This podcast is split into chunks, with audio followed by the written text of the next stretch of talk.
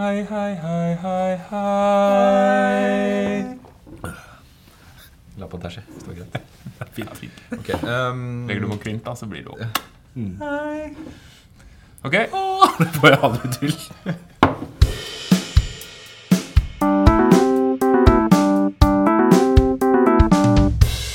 Den gang da. Hei, hei, hei, hei, hei. Og velkommen til denne fantastiske podkasten Den gang da. Som du sikkert skjønte på introen, og vi har lest emnebeskrivelsen, så er det da kristendom som er tema i dag. Dette ukontroversielle temaet som vi skal snakke om og bedømme og ja, vi skal eh, Dette er da altså den gang da, denne flotte historiske podkasten. Takk for at dere hører på oss nok en gang. Beklager at det er en stund siden sist. Men uh, vi har da ting å gjøre og ting å føre, Ja, vi og så videre og jobb. så videre. Ja, Jobb, for eksempel, det tar vel litt tid. ja. apropos jobb. Uh, men uh, mitt navn er Henning Mortensen. Jeg skal bli ferdig med introduksjonen. Sorry. Så går vi videre. Eh, mitt navn er Henning Mortensen. Eh, ved siden av meg så har jeg mine kjære kollegaer og gode venner Hans Rosvold Hontvedt. Hei sann! Og ved siden av deg så sitter eh, vår alles kjære Jørgen Lie. Så han er vår alles kjære Jørgen Lie. Litt Hei, som- har vi litt blitt venner nå? som- Han er Leif litt mer Juster. folkelig. Han er litt, mer som Leif. Juster. Ja, dette har vi snakket om før. Kan jeg få Jørgen. lov til å si hei? Ja. Uten at dere skravler i munnen på meg? Unnskyld. Hei! Unnskyld. Hei, Har vi Jørgen. blitt venner nå? Nå er vi venner. Du, dette har vi snakket om før. Ja, vi er Var det episode tre, det, kanskje? Jeg tror vi er, vi er venner i den forstand som uh, Hva Ja. heter de? Smokey er Norges venner. Ja. Eh, eh, og da, kjære venner, eh, har jeg jo da sagt at temaet i dag er kristendom. Eh, vi skal se litt på utviklingen av kristendom og trekke litt eh, lange og korte linjer. Prøve å se litt eh, hvordan denne religionen, som jo har blitt en ganske populær religion, er vel ikke noe løgn å si det. Nei, det er jo godt over Eh, en milliard det er mennesker som Ja. vedkjenner skjeden. Det er mange som mener at den, den stemmer. Den stemmer. Eh, og da tenkte jeg, da må vi begynne helt i begynnelsen. Da var ordet Nei. Jesus. Ja. Jesus. Jesus. Det er ikke helt i begynnelsen, men ja. Nei, for er vi kan se, Hva slags eh, Jesus var han? Han var jo en jøde. Eller jødisk, Ja. som er vel mer riktig å si. Det er, altså, hvis, det, bare så, dette er jo en historisk podkast, så vår, hva skal jeg si, vårt innfallsvinkel er jo historisk. Um, Ja, Vi kommer ikke til å fokusere så mye på læra, men for å forklare opphavet til kristendommen, så må man jo nødvendigvis se på den jødiske læra. og Jesus, Jesus som historisk person, eh, det er jo interessant i seg sjøl. Burde kanskje hatt en egen podkast, men ikke i dag.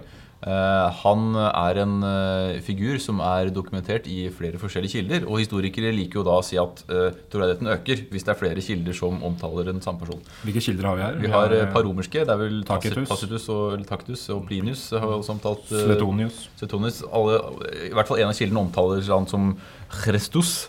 Altså, en, altså en som figur som opererte i eh, Judea, eller hva man skal kalle området, eh, ja, like etter eh, år null, da, etter vår tidsregning.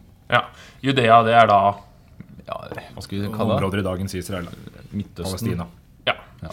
Og poenget er jo da at det er jo det under Jesus' levetid var under romersk kontroll. Ja, dette her eh, Jesus født når cirka, cirka fire år etter Kristus, eh, paradoksalt nok. Og null, er ikke det Ja, Ja, det, men han regner seg fram til at eh, Herodes, eh, som var landshøvding i Syria som jo, ja, Det finnes jo selvfølgelig andre kilder enn romerske kilder. Det er også Bibelen det er jo også en historisk kilde. selvfølgelig.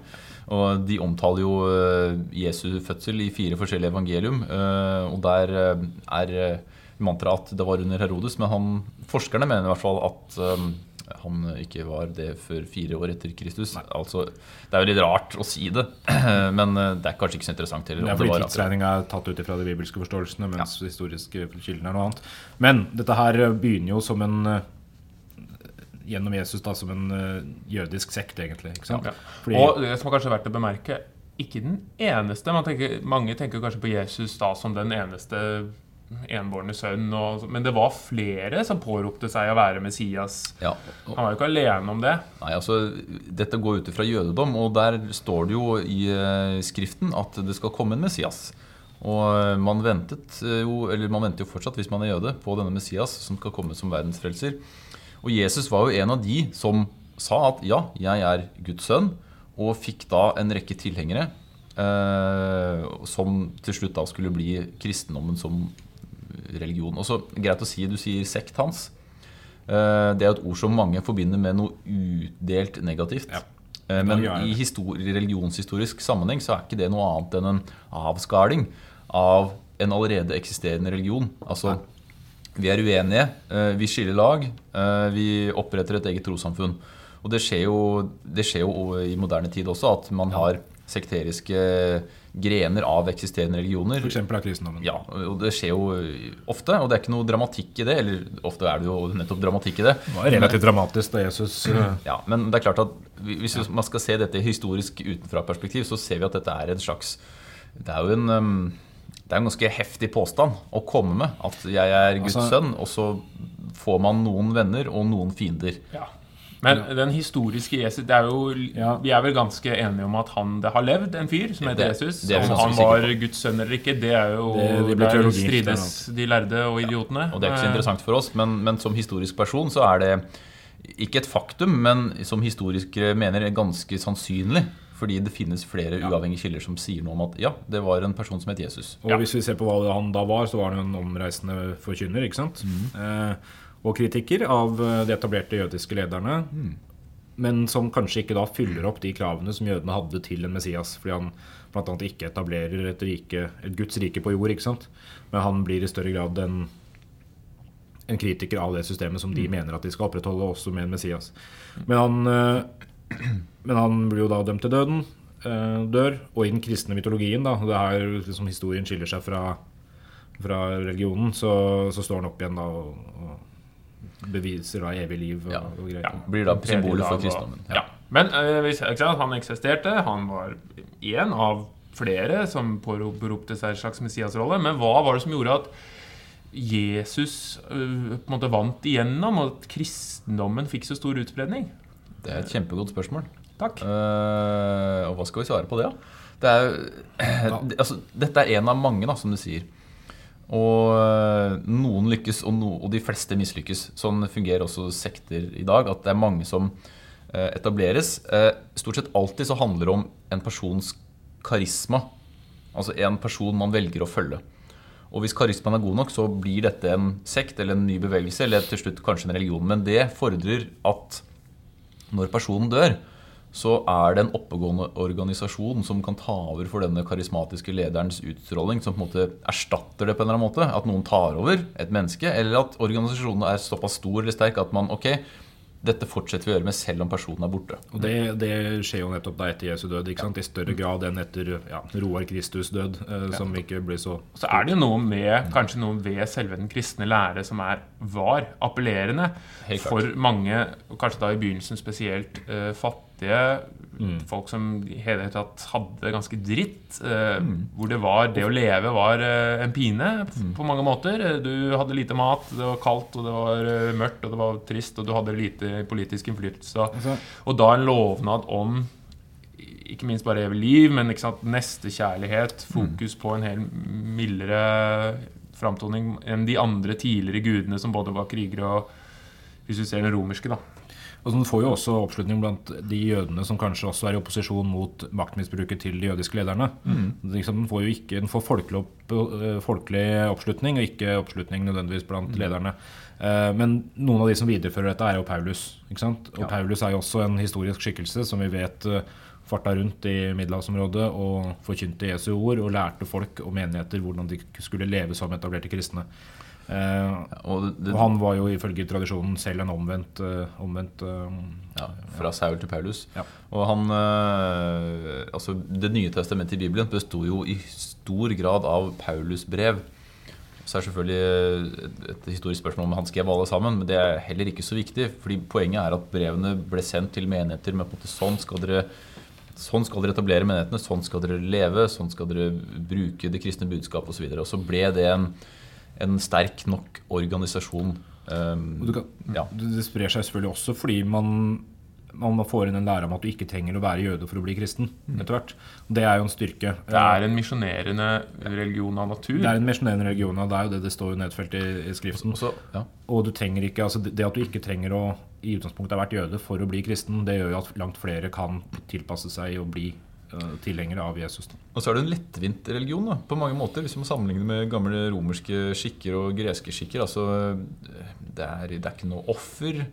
Eh, Det er mindre fokus på, eh, på det, du skal, det du skal gjøre, kan man si det. Eh, Det spørs om du er katolikk eller protestant. eh, Litt foregriper litt her, men eh, Jo, også, men det er jo én guddom, Uh, lettere å forholde seg til på den måten. Ja. Samtidig så møter han jo motstand selvfølgelig i de politistiske romerske områdene. Ja, fordi det er jo, Vi nevnte Romerriket her, og i begynnelsen så er jo dette en sånn underground-religion. Ja. I Romerriket er jo den offisielle religionen fortsatt den romerske Religionen. mytologien. religionen, mytologien.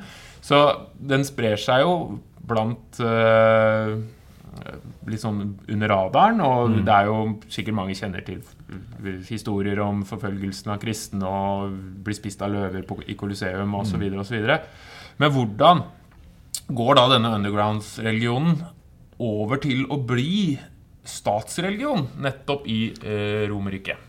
det, ja, det er jo to, vil bør kanskje nevne da. To keisere som er viktige her. Første er Konstantin, Ja. Ja, uh, som uh, selv ble kristen. ja, Han er den første, første Kristne. keiser. Ja. Og med han så, så ble vel forbudet mot kristendom Ja. opphevet. ja, kristendommen blir tillatt religion i Romerike. Ja, og man, om, det sies av Historien sier at det var et slag ved en bro.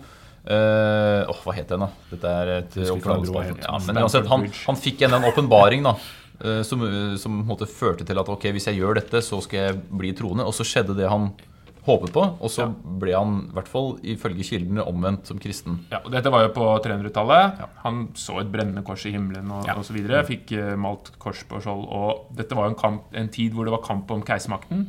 Og Konstantin vinner da denne kampen og blir den første kristne keiser. Og han, eh, ja, han innkaller også til eh, Ja, Han innkaller til et møte i byen Nikea eh, i 325. Hva, hva var det for noe? Altså, her legger de jo grunnlaget for trosbekjennelse, eh, rammer for kristen lære og hvordan du skal leve som, som kristen. I tillegg til at de, de, de, de slår fast en del av, eh, en del av kanonen. Altså Ja, de, de finner rett og slett ut hva, hva skal være i Bibelen. Hva, hva er enhetlig? Ikke sant? Hva er det vi ønsker at skal, skal være den rette lære av Jesus? Ikke sant? Sant. Jomfru, jomfrufødsel, Guds, del av treenigheten, Guds sønn osv. For På disse Og- 300 årene så hadde jo kristendommen vokst og fått utstrekning og hadde vært møte, men her er jo et sånn Ja. Ok, vi, nå må vi bli enige om noen retningslinjer her. felleskirkelig. Og det skal også sies at Romerriket er jo ikke det eneste stedet der kristendommen nå eksisterer. Det eksisterer jo i andre områder også, i de tidligere jødiske områdene, jødiske områdene, unnskyld, Nord-Afrika eh, og sånne steder. Så her prøver man altså å etablere en mer eller mindre felles forståelse for dette her. Eh, ja. kan bare si at Det som er interessant er at det finnes jo også mange tekster som ikke er med i Bibelen. Det er jo alltid spennende med det som hva, Det finnes hva- mange tekster som ikke er med i Bibelen. Det er Godt sagt, ikke sant? Men altså, det er det vi kaller apokryfen. Altså, de som på en måte er ikke en del av kanon, som Hans sier. Et vanskelig ord å forklare, men det handler om det som på en måte er de aksepterte tekstene. De som finnes i Bibelen. Og ved dette kirkemøtet så ble man enige om hva som skulle være med eh, i kanon. Altså det som regnes som de Hva hva som skulle være med i kanon. Ja, kanon. Ja. Ja, det er morsomt. Fortsett. Ja, takk. Eh, hva som skulle være med i Bibelen. Jeg burde fortsatt på den. Ja. ok. Skal vi fortsette å synge kanon? Nei, Nei, nå mister vi momentet her. Kanon. Okay. Kanon. Uansett, eh, de, hvilke tekster skulle være med, hvilke tekster skulle utelates. Og det var masse tekster som ikke ble med. Og mange av de er det vi kaller for de gnostiske tekstene. De som handler om helt eh, perifere bevegelser. Hvis tenker å si noe om det. Men i bunn og grunn så ble man enige om hva som skulle være liksom minste felles multiplum. Altså hva kan vi være enige om? Og så ble dette Bibelens sammensetning. Og den har vært mer eller mindre uforandra siden da. Men det er jo altså, du får jo enda større gjennomslag i år 36, var det 392. 392 så blir det jo statsreligion. Ja, og det er under keiser Theodosius i Romerriket som innfører som statsreligion. Det er klart det her er en enorm Teodosius. Ja. Theodosius. Er det han teddybjørnen er blitt oppkalt Det er det, ja. ja. Det- Det er jo klart at det her er jo en enorm oppsving for eh, kristendommen og kirka. fordi når det etableres som statsreligion i et område som er så himla svært som Romerriket, som sprer seg over store deler av dagens Europa og Midtøsten og ja, haug med områder, så, så altså, når noe ble etablert som statsreligion på den tida, så er det ikke bare tillatt, det er påbudt. Ja. Eh, og det her er ganske, ganske viktig for måte, den videreføringa av kristendommen. da. Ja, og da sprer jo kristendommen seg jo, er jo da utover hele Romerrikets eh, etablerte område. og Da er det jo her da skille mellom øst og vest, men det er jo opp mot Europa og Bysants i, eh, mot Tyrkia osv. oppover der. Så det får jo en stor utstrekning. Og kristendommen etablerer seg nå som en veldig viktig og mektig religion. Ja, og Det er jo nøkkelen til spredningen etter det her. At Ja. Kirken altså, kombinerer jo et, et trosgrunnlag med et voldsomt maktapparat. Um, og det er greit å vite for den For den vanlige mannen i gata, eller han var jo ikke i gata, han var jo på åkeren, så uh, på den tida var han troende, selvfølgelig, for det var ikke noe alternativ. Hva er alternativet til å tro? Ingenting. Det er ikke noe vitenskap her. Du tror på Gud fordi du er livredd for å ikke bli frelst, hvis du da tenker på ut ifra kristne standarder. Men du trenger også et eller annet å klamre deg til. ikke sant? Men så, ja, jeg, jeg tror, altså, det er ikke noe, Man kan ikke snakke om det her ut ifra de moderne begrepene om at kristendommen er noe du klamrer deg til som en uh, løsning. Det er- det er det, er det, det, er det, det er det man forholder seg til. Det er på en måte vitenskapen. Og det, og det bruker, altså, kan vi si om man bruker eller misbruker, men det er i hvert fall et faktum at Kirken ble en enormt mektig organisasjon utover middelalderen. Ja, fordi vi kommer nå Hvis vi ser Romerriket, det blir statsreligion. Men Romerriket, i hvert fall Vest-Romerriket, holder jo ikke så lenge etterpå. 100 år etterpå så går jo Vest-Romerriket i oppløsning. Men kirken blir jo stående igjen. Eh, og hvilken rolle får uh, ledende spørsmål Hvilken rolle får kirken i eh, Europa etter Vest-Romerrikets fall på slutten av 400-tallet? Eksamensspørsmål. Den får jo eh, Er det sånn at den måtte på en måte tetter et maktvakuum, eh, kanskje? Ja, ja, ja. Han Bra. blir en slags eh, organisatorisk eh, etterleven etter Ja, og tar over mange av disse statlige rollene. Ah, Romerriket er borte, hva gjør vi nå? Ah, vi har Kirken! Ah, vi har pava. Ja. Men kirken blir viktig, både med det å spre informasjon på tvers av lange, store områder. Det er en utarbeida organisasjon. Det tar over disse oppgavene som tar vare på fattige, litt, ikke sant? hjelper folk som trenger nød. Og Trenger nød. Nei, trenger eh, Hvem trøst trenger nød? Ja, ja, men både sjelesorg og liksom. Og materielle goder. Hvis du er syk eh, og sånn, selv om de ikke helt visste hvordan de skulle fikse det. Så Men hva er alternativet? Ingenting. Men paven etablerer eh, så Paven er jo én ting. altså Du har en, en etter hvert sterk sentralmakt i, i paven, eh, biskopen i Roma, ikke sant? Eh, som ja, sentralmakt og sentralmakt, men relativt sterk sentralmakt, som etter hvert eh, innstifter regler for bispedømmer rundt omkring, sånn at de blir enhetlige overalt. Det her bidrar til å styrke kristendommens rolle. Det blir klostersamfunn etablert som bidrar til å spre dette her, og til å holde strukturer i samfunnet og hjelpe til i forskjellige sammenhenger. Og så Utover i middelalderen så får vi også et, etter hvert et samarbeid mellom keiser og pave som er helt avgjørende for at de, de, altså de forsterker hverandres makt, da, kan man si. Ja. Um, Fordi det er jo det som skjer etter Romerrikets fall, som er et stort sentralisert rike. Så er det ikke noen noen veldig sentraliserte verdslige makter i Europa. Men, mens kristendommen blir jo stående som en sentralisert maktinstans som kan eh, på en måte løse mange av disse oppgavene. det, var ikke, ja, det var vel ikke noe annet før Karl den store på 800-tallet. Den Ja. går lang tid. For nå kommer du inn på disse forholdene mellom verdslige altså politisk, militær, økonomisk makt, og denne åndelige, kirkelige makten. Fordi det, det blir jo litt konflikter og sånn da, mellom da denne Ja. etter hvert sterke kirke, kirkeorganisasjonen med disse kongene eller keiserne eller hvem som Men- da hevder at de skal kontrollere. Hvis vi f.eks. tar Karl den store, da, ikke sant, som etablerer øh, øh, og, det, og Bare navnet her er jo litt interessant. altså det Tysk-romerske keiserriket, eller på engelsk Holy Roman Empire. ikke sant? Så Det høres ut som det er en ganske sterk kobling til, til uh, pavekirka. Det er det jo i utgangspunktet også. ikke sant? Uh, men så er det jo ikke sånn at pavekirka kun er en åndelig makt. Den er også en politisk enhet. Og der så blir det, som du sier, stridigheter mellom eh, kirkemakta og da videreføring av dette keiserriket i Europa. Det tok forresten lang tid før jeg skjønte at Charlemagne og Karl den store er den samme. Det, det er faktisk Ja, for det er en engelsk Carlos si Magnus. Karl den store. Ja, det, det, er, det er fra latin og fransk, altså, som betyr eh, Carlos, Ja, for- Carlus, for er Carolus, eller, og Magnus, som betyr stor. For meg er det først og fremst en Steely Dan-låt. Det er eh, King Charlemagne, er det ikke? Ja. Eh, det- du- Vil du fram til f.eks. en strid på 1000-tallet her? Uh, ja, for eksempel. For eksempel. på det, det ordet som enhver elev vil se på med skrekk og gru når de har eksamen. Ja, fordi vi, vi har en konflikt etter hvert som vokser fram om hvem som skal ha rett til å innsette biskoper. Skal det være keiseren? hva, er det, hva heter det for noe, Hans? Eh, er, det det som er, er det det som er den investi, investiturstriden? Veldig bra. Ja. Altså investitur som innebærer å innsette noen i et mer eller mindre, mindre hellig embete. Sant? Dette må jo da sies at dette er under liksom føydale Ja. strukturen. Det er nettopp det, ikke Nå blir det mange begreper her. Ja. eh, Ja, men, men vi- men, vi henviser google. til en tidligere podkast om føydalsystemet. Ja. Altså, I 1075 så bryter det ut en konflikt mellom paven og keiseren i, eh, i det tysk-romerske keiserriket om hvem som skal få innsette uh, biskoper. Ikke sant? Skal dette her være en verdslig rolle, eller skal det være en uh, kirkelig geistlig rolle? Det er en strid som varer lenge, altså fra 1075 til 1122. 50 år. Ja. Det, det, er en, og det, det, det høres ut som en eh, enkel politisk konflikt, men det har ganske mye å si. For den som innsetter biskopen, har jo også makt til å innsette den som vil på en måte, føre en sånn politikk som støtter den som du har innsatt. Da, ikke Og sant? hvem skal biskopen da sverge troskap til? Nettopp er det konge. konge, eller er det Fordi kirken Pave. prøver jo, det er jo gjennomgående mye av middelalderen, at kirken prøver å opprettholde seg som en selvstendig makt. Ja.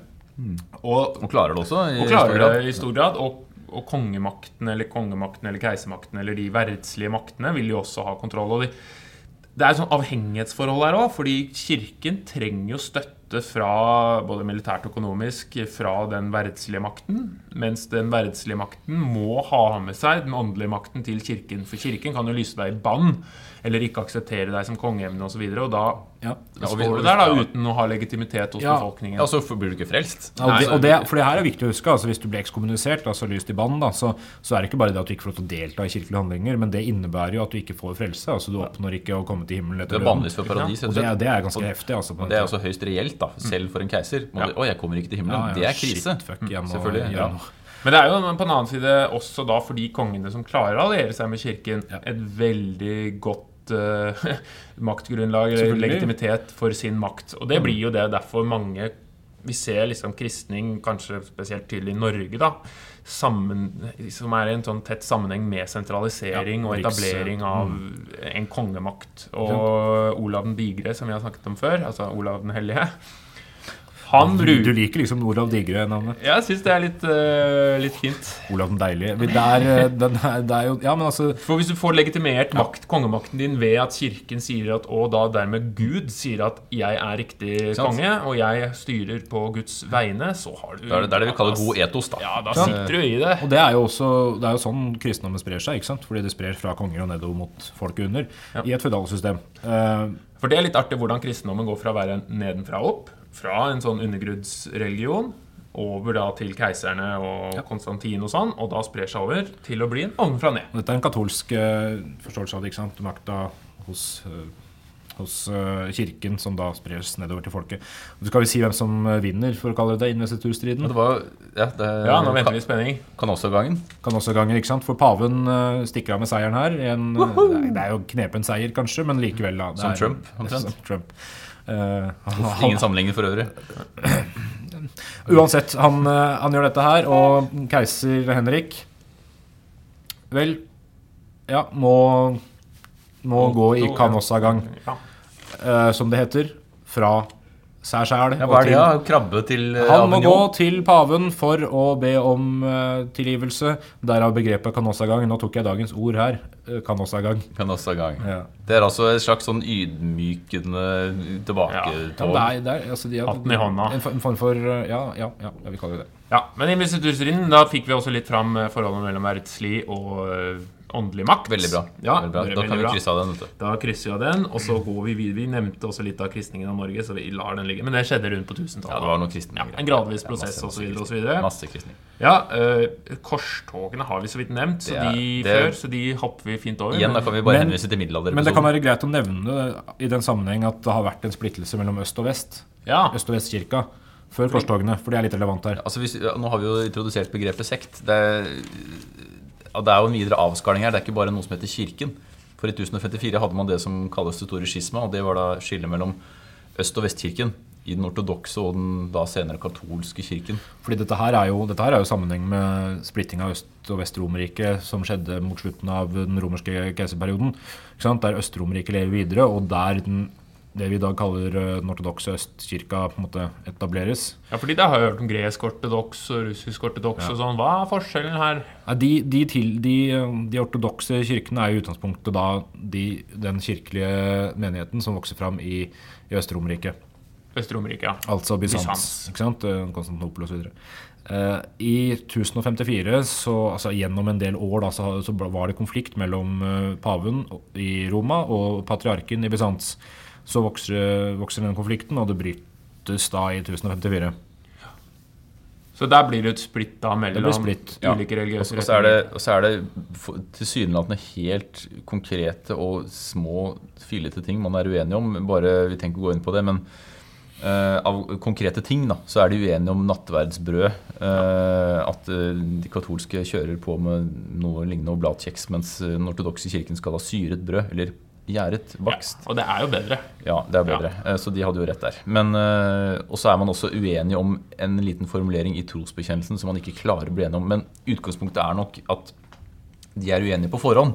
Og det er hele poenget med splittelsen. Ikke at det er nødvendigvis dette man er uenig men man finner på en måte en grunn til å skille lag. da. Ja, og det er noen uenigheter om prester skal kunne få barn osv. Ja, Noen rituelle Ja, og, forskjeller. det, og det, alt dette er bundet Ja, ut paven. i Paven uen, uenighet om læra. ikke sant? Og makt. Det er, det er maktpolitisk også, ikke sant? fordi patriarken ønsker makt, og paven ønsker makt. Så vi kan ikke, det, er, det er for enkelt å si at det er fordi noen liker tørr kjeks, mens andre liker bolle. Eh, Men man, Men kan, si, man kan det- si det, for det er det, det ganske morsomt. Men du sier litt at splittelsen oppstår jo i 1054. Ja. Og de snakker ikke sammen igjen før i 1965. Nettopp. Da, da ble man ja, enig. men, men, men en liten, eh, en liten uh, samtale kanskje under, eh, under korstogene, der Øst- og Vestkirka samles for å Men- ta muslimene. Ja, Men formelt så går det 900 år. Ja Altså. Ja, det gjør det. Det er lenge. Til sammenligning så har jo nå for øvrig paven eh, vært i eh, Stockholm og hatt et møte med, med protestantene eh, i forbindelse med jubileum for Ikke så ofte det skjer heller. eh, nei, i forbindelse med jubileet for den lutherske reformasjonen. Det er Ja. 500-årsjubileum neste år. Ja, fordi da, da hopper vi dit. Vi vi kan jo snakke litt om noen motpaver og sånn, men jeg veit ikke åssen vi ligger an med Nei, tid. vi, vi, vi, det får bli en annen gang. Dere kan Ja. google det. Mange paver på en gang. Konflikter. Den siste motpaven ble utnevnt i 2005, Fordi her- så det, det er fortsatt moderne. Men du snakker jo om her et skille mellom øst og vest, men det som kanskje er mest sentralt her i Norge, da, som vi kanskje kjenner best til, det er nettopp splittelsen i den vestlige kirken mellom da den katolske og protestantiske det som blir kalt reformasjonen på 1500-tallet. Dette er, nå, nå spisser eh, de fremtidige eksamensstudentene pennene her, fordi dette her er klassisk kristendoms eh, kjernekunnskap. Eh, utgangspunktet for reformasjonen er at man er uenig om læren. Og Martin Luther er jo den man kjenner, om, kjenner til fra barneskolen, ungdomsskolen og videregående. Han kom på en måte igjen og igjen, var litt mer avanserte former, men man var uenig om hvordan man skulle nå frelsen. Ja. Og eh, kirken på det tidspunktet var et rimelig eh, komplekst system med maktapparat eh, som fordra at man nådde frelsen gjennom konkrete handlinger som skrifte, uh, gjennom Ja. pressen, men ikke minst Og gjerne da avlats. på ti Ave Maria og fem Ja. eh, Betaling. Altså Men, avlat. men ikke minst gjennom avlatshandelen, som da var et konsept som eh, kirken hadde utvikla, som gjorde at mennesker kunne kjøpe seg fri for tid i skjærsilden. Altså tiden du havnet i skjærsilden, var tiden du er- gjøre opp for syndene. Og Og skjærsilden er da et, et sånn mellomstasjon da, fra jord til himmel. Ja, du skal en renses i ild da, Ja. før du Og hvis du kjøpte flere avlatsbrev, så forkorta du tiden i skjærsilden. Det er bra. Du kan også kjøpe avlatsbrev for folk som allerede hadde daua. Ja. Så ok, ja, mormor døde i fjor, da. kanskje vi skulle kjøpe avlat. Og dette gjorde jo kirken til en enormt rik maktinstitusjon. Det gjorde det. Men Men- Luther mente jo at dette her var meningsløst. Ja, altså det, det kan være greit å ha, ha en forklaring, en sånn rent teologisk forklaring på hvorfor kirka mente eller legitimerte at de skulle ha den mellomleddsrollen. Og der handler det om det som kalles den apostoliske suksesjonen. Ikke sant? At, Dagens ord. Dagens ord, apostolisk er mange av suksesjon. Det. Nei, det kan være transubstansiasjon for øvrig. men Eller vi- konsubstansiasjon. Eller konsubstansiasjon. Men vi har den apostoliske suksesjonen da, som innebærer at, at kirka ser på seg sjøl som ikke bare et maktmellomledd, men et, men et mellomledd mellom eh, Gud og folket fordi de, de er en videreføring av, eh, av apostlene. ikke sant? Peter, apostelen Peter, den første pa- paven, og pavene etter ham da i samme linje, gjør at kirkas lære og tradisjon til enhver tid er den rette. ikke sant? Så det de tolker, er det folket skal følge. Og den eneste veien til Gud er gjennom kirken. Det er nettopp det. ikke sant? Konkret, det er handlinger, det er skrifte osv. Annet gjennom de syv sakramentene. Martin Luther kortere ned for å si det sånn, på sakramentene. Han barberer ned til to. Nattverd og, øh, og dåp. Dåp for å innstifte sin kirkelige menighet, og nattverd fordi det, det gjennomføres av Jesus sjøl. Martin Luther for å si det veldig kort, hevder at de eneste øh, det? Altså, sakramentene som er gangbare, er de som Jesus sjøl innstifter, for å si det sånn, da, i Bibelen.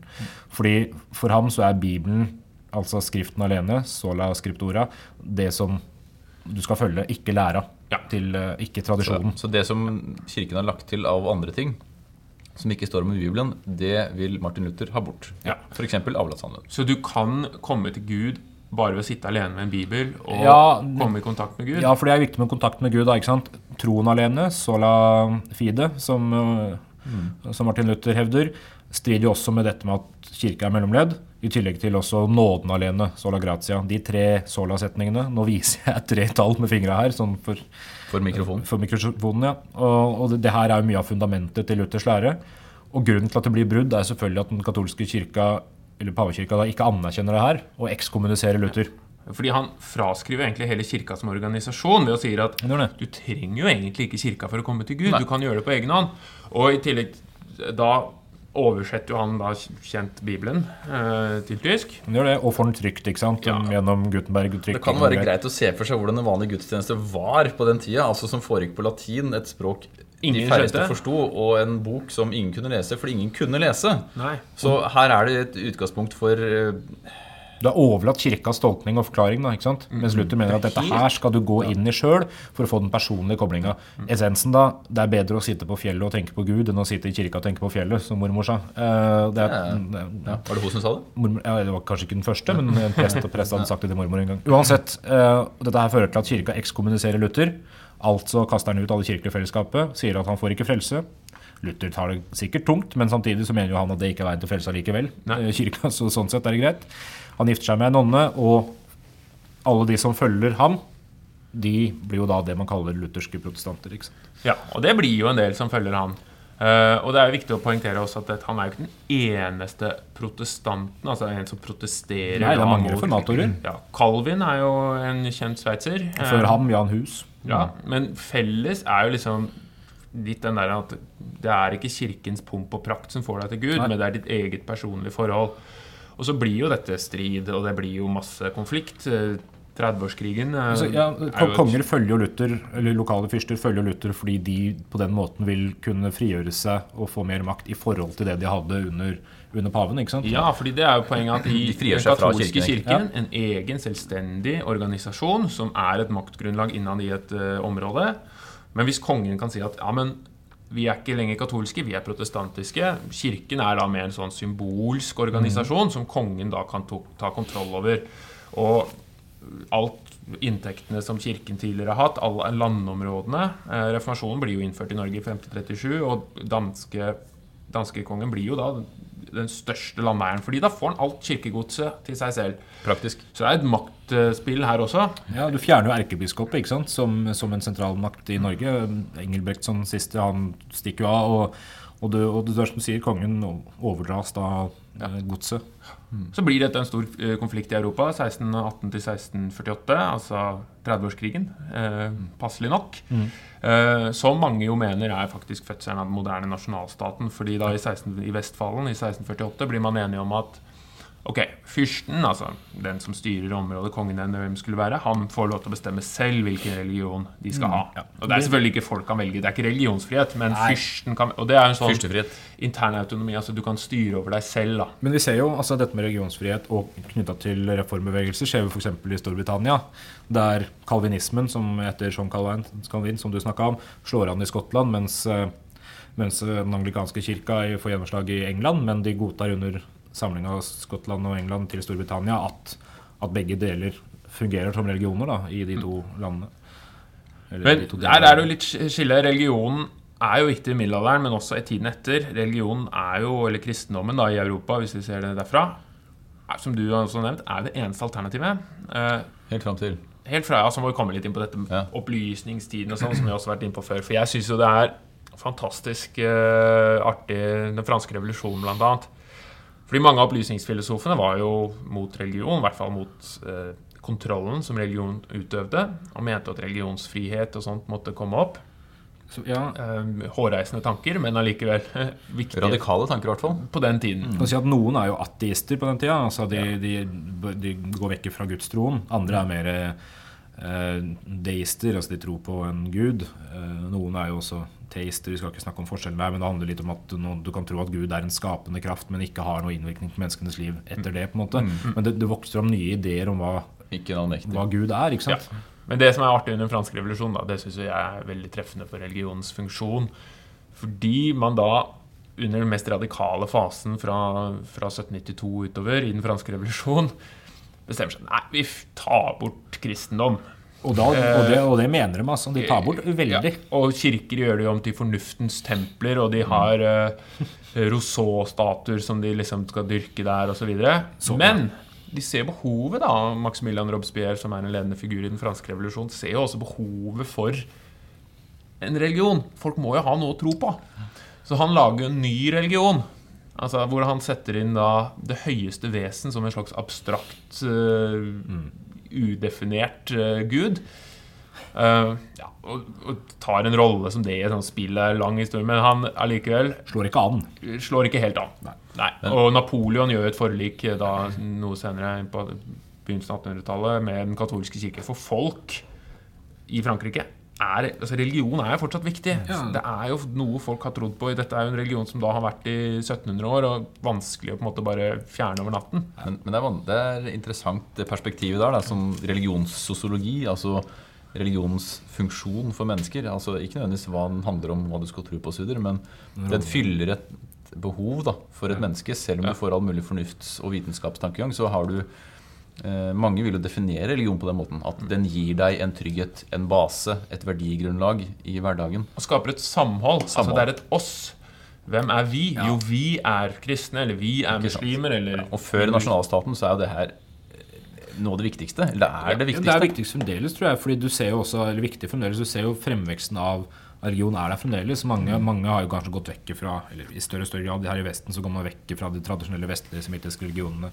Kristendom, jødedom, islam. Men man, man søker religion uansett. Og så ser vi også det at den katolske kirka fremdeles vokser, mens protestantismen er på tilbakegang. Ja, for nå kommer vi inn på neste det avsluttende temaet. da. Religions rolle i dag. Ja. Eh, Og, som nå har du allerede sagt, Hans, altså religionen Det finnes masse mm, sosiologiske forfattere som eh, snakket om at religionen skulle dø på 1900-tallet. var har Petter Berger og eh, alle disse her. eh, Men vi tenker å gå inn på dem. Poenget er at religionen eksisterer fremdeles og er tilsynelatende noe folk fortsatt trenger. Selv om man forsøker å forklare verden gjennom all mulig fysikk, kjemi og biologi, så er religionen en størrelse å regne med. Og som du sier, Hans eh, kristendommen eh, i seg sjøl er jo også en, fortsatt en voksende eh, Ja, faktor i samfunnet. det er et interessant. poeng det at det er faktisk katolisismen som vokser Ja. mest. ja, og pinsebe, pinsebevegelsen. Ja, og, og ja, protestantismen, da, som da var den nye revolusjonerende personlige gudstroen, eh, svinner. Og det har jo litt med nettopp religionens funksjon. Ja, og læra, egentlig. Ja, og den katolske er jo en mye mer sosial. Ja. Mens den protestantiske var jo ikke sant, Når du kan sitte på fjellet og dyrke Gud alene, Sant. så mister du den sosiale Nettopp. aspektet ved eh, religiøsiteten, som jo er viktig. Og kirka som samlende, med en samlende lære og tydelige samlende regler, den, den forsvinner jo da. ikke sant? Og når, når protestantismen da åpner mer for individuell tolkning av budskapet, så vil det også føre til at det er lettere å bryte med, med kirketradisjonen. Og det ser vi jo i dag, da, ikke sant? at den katolske kirka vokser fordi folk må forholde seg til de faste rammene og familiestrukturen. Når du først er født inn i det, så eh, vokser den videre. Samtidig så ser vi også en del eh, altså stadig flere personer som omvender seg, eller som, som blir katolikker. da. Mm. Også i Norge. Kultur, eh, mye kulturelite som velger å gå inn i katolisismen. Kanskje pga. den litt mer mystisistiske delen av det. Fortsatt få, da. Ja, men si det er, ja, det er få, men det er jo en Kanskje tendens. sju. Ja, men det er, jo, jo, men hvor mange er det du hører om som plutselig ikke har vært religiøse før, men som blir protestanter? Ni. Nei. To mer. Nei, det er ikke mer. Det er færre. Det er, færre. Det er poenget mitt. da, Forskninga viser at det er Men, ja, det. Men eh, det jeg vil eh, gjerne spørre om, det, er, det glemte jeg, det må vi snakke litt om, fordi det syns jeg er så morsomt. Eh, mormonere og Jehovas vitner og sånn, for hva er Det- det var en overgang. Ja, hva er det? ja, men fordi det er jo relevant i dag. Jeg får jo til stadighet Eller Er to opp, ganger de siste ti årene har jeg hatt på døra. skal vi bare oppklare det med en gang? Ja. Eh, både mormonerkirken, altså De siste dagers hellige, eller hvordan man definerer De definerer seg selv som eh, Jesu Kristi hellige av de siste dagers hellige. De, nei, var det? Jesu Kristi kirke av de siste dagers hellige. Eh, po- Poenget med mormonkirken er at den er, regnes ikke som kristen av det kristne samfunnet fordi de har lagt til en bok som kalles Mormons bok. Og denne boken eh, forteller da historien om Jesus som dukket opp igjen i Sør-Amerika. Eh, ga fra seg noen tilleggsopplysninger som da frontfiguren Jebediah Smith fant og pugget og destruerte. Og videreformidlet til da det som skulle bli mormonkirken. Det er en hva skal vi si? Det er en, det er en kirke som er veldig tilpassa det amerikanske samfunnet. eh, Men som også har fått en viss gjennomslagskraft utover det. Og det er mange. Ja. Det, er fem, Men- det er 15 millioner mormoner på verdensbasis. Men grunnen til at de ikke regnes som kristne, er fordi at de har lagt til en bok. Og som vi om i stad, altså det står i, i Bibelen. For kristne så er det viktig at det skal ikke legges til noe her. Det er, Bibelen er Bibelen, men mormons bok er da lagt til. Der har vi større grad en sekterisk bevegelse Ja, i som ikke er akseptert av store kristne samfunnet. Det samme med Jehovas vitner. Ja, og de, og de, de gjør jo også uh, tolknings... Uh,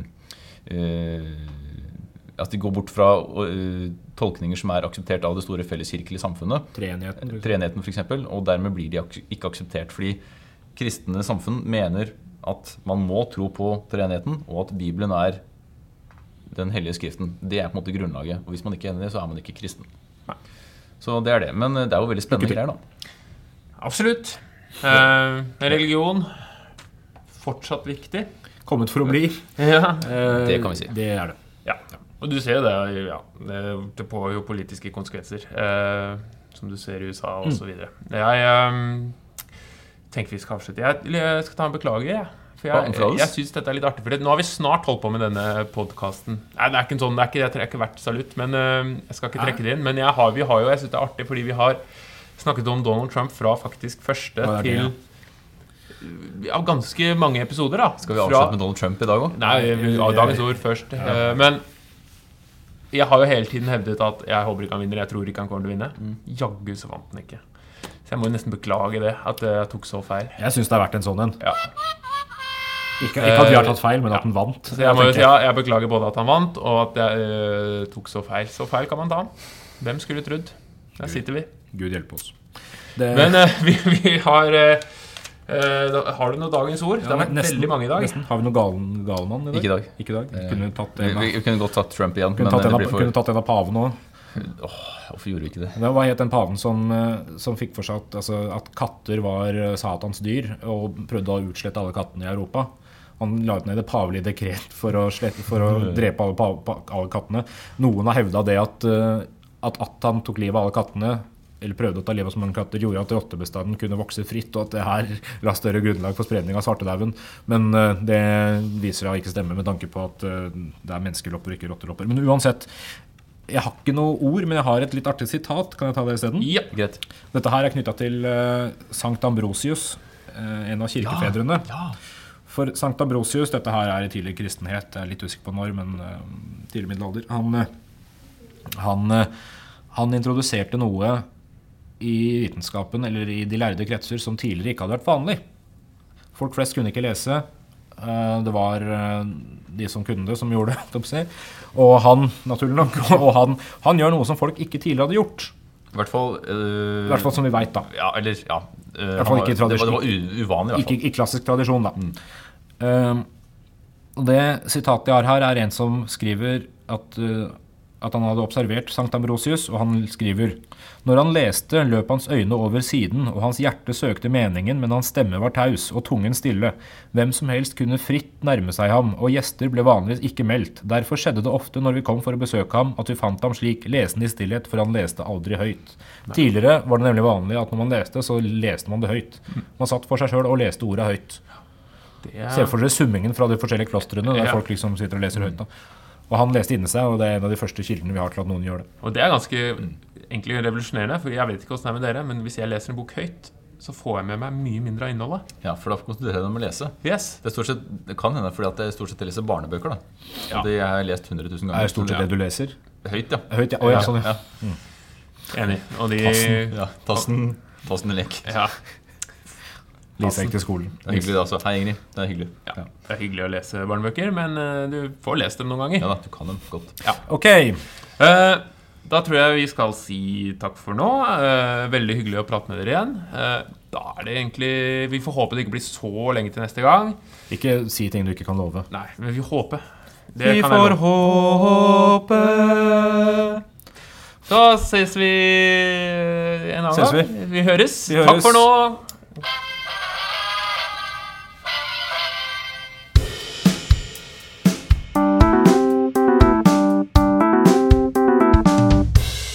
Den gang da.